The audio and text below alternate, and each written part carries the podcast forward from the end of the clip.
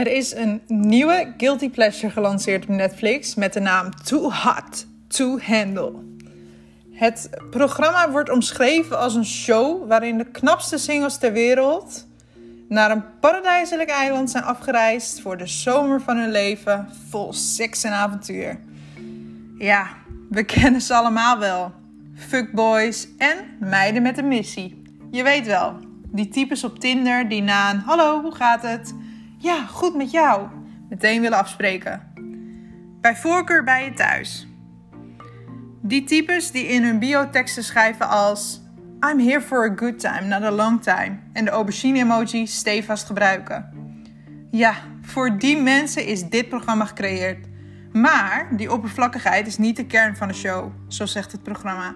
Nee, Too Hot to Handle wil de ogen van de kandidaten openen en ze kennis laten maken met diepere connecties. Oké, dacht ik bij het bekijken van de eerste aflevering, waarin eigenlijk al meteen seksuele toespelingen worden gemaakt over en weer. Ik twijfel meteen aan wat ik van dit programma ga vinden. Maar goed. Enige tijd later in de aflevering geeft een driehoekige luchtverfrisser, ja, anders kan ik het niet omschrijven, uitleg over het programma waarin zij terecht zijn gekomen. Zo mogen ze vier weken lang niet zoenen, geen seks hebben en niet masturberen. Houden zij zich hieraan, dan maken ze kans op 100.000 dollar. Overtreden zij de regels, dan wordt er geld afgetrokken van dit bedrag. Ik zie de kandidaten wit wegtrekken alsof ze net gehoord hebben dat hun konijn overleden is. En dit is precies het punt in deze reality show waar ik mijn vraagtekens zet. Ten eerste, hoe kan het dat deze mensen totaal geen idee hebben waar ze aan meedoen? Hebben zij geen vraagtekens gezet bij volledig verzorgde vakantie met singles wordt opgenomen voor reality tv? Lijkt me sterk. Ten tweede, hoe ernstig is het dat het een uitdaging is om geen seksueel contact te hebben voor een maand? Is dit echt de generatie waarin wij jongvolwassenen opgroeien? Ik ben confused. We leven, als ik dit programma moet geloven, in een wereld waar one-night stands de regels zijn. De kandidaten hebben het naar eigen zeggen meteen moeilijk. En ze bespreken dit ook met elkaar.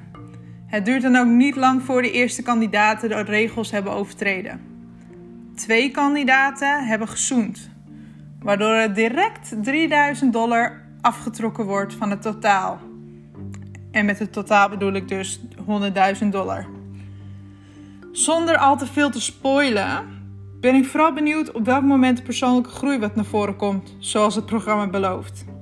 Na een aantal afleveringen en diverse workshops zijn er een aantal kandidaten, lees minder dan de helft, die echt wel een andere kant van zichzelf laten zien. Zo stellen zij zich wel kwetsbaar op en vertellen zij over gebeurtenissen in hun verleden, waardoor ze hun emoties hebben uitgeschakeld en eigenlijk alleen kortstondige avontuurtjes toelaten. Dit lijkt bij twee mensen oprecht. Als je het programma hebt gezien, dan weet je over wie ik het heb. Ik weet niet goed wat ik van dit programma moet vinden. Is het mijn nieuwe guilty pleasure? Misschien wel, maar dan vooral uit verbazing. Bestaan deze mensen echt? Zijn er echt mensen die een maand zonder seks niet aankunnen? Dat ze het behang van de muren beginnen te krabben uit pure frustratie? Of is dit aangedikte reality tv? Wat het ook is, ik heb het seizoen afgekeken en wacht op de nieuwe aflevering van Temptation Island. Een andere guilty pleasure.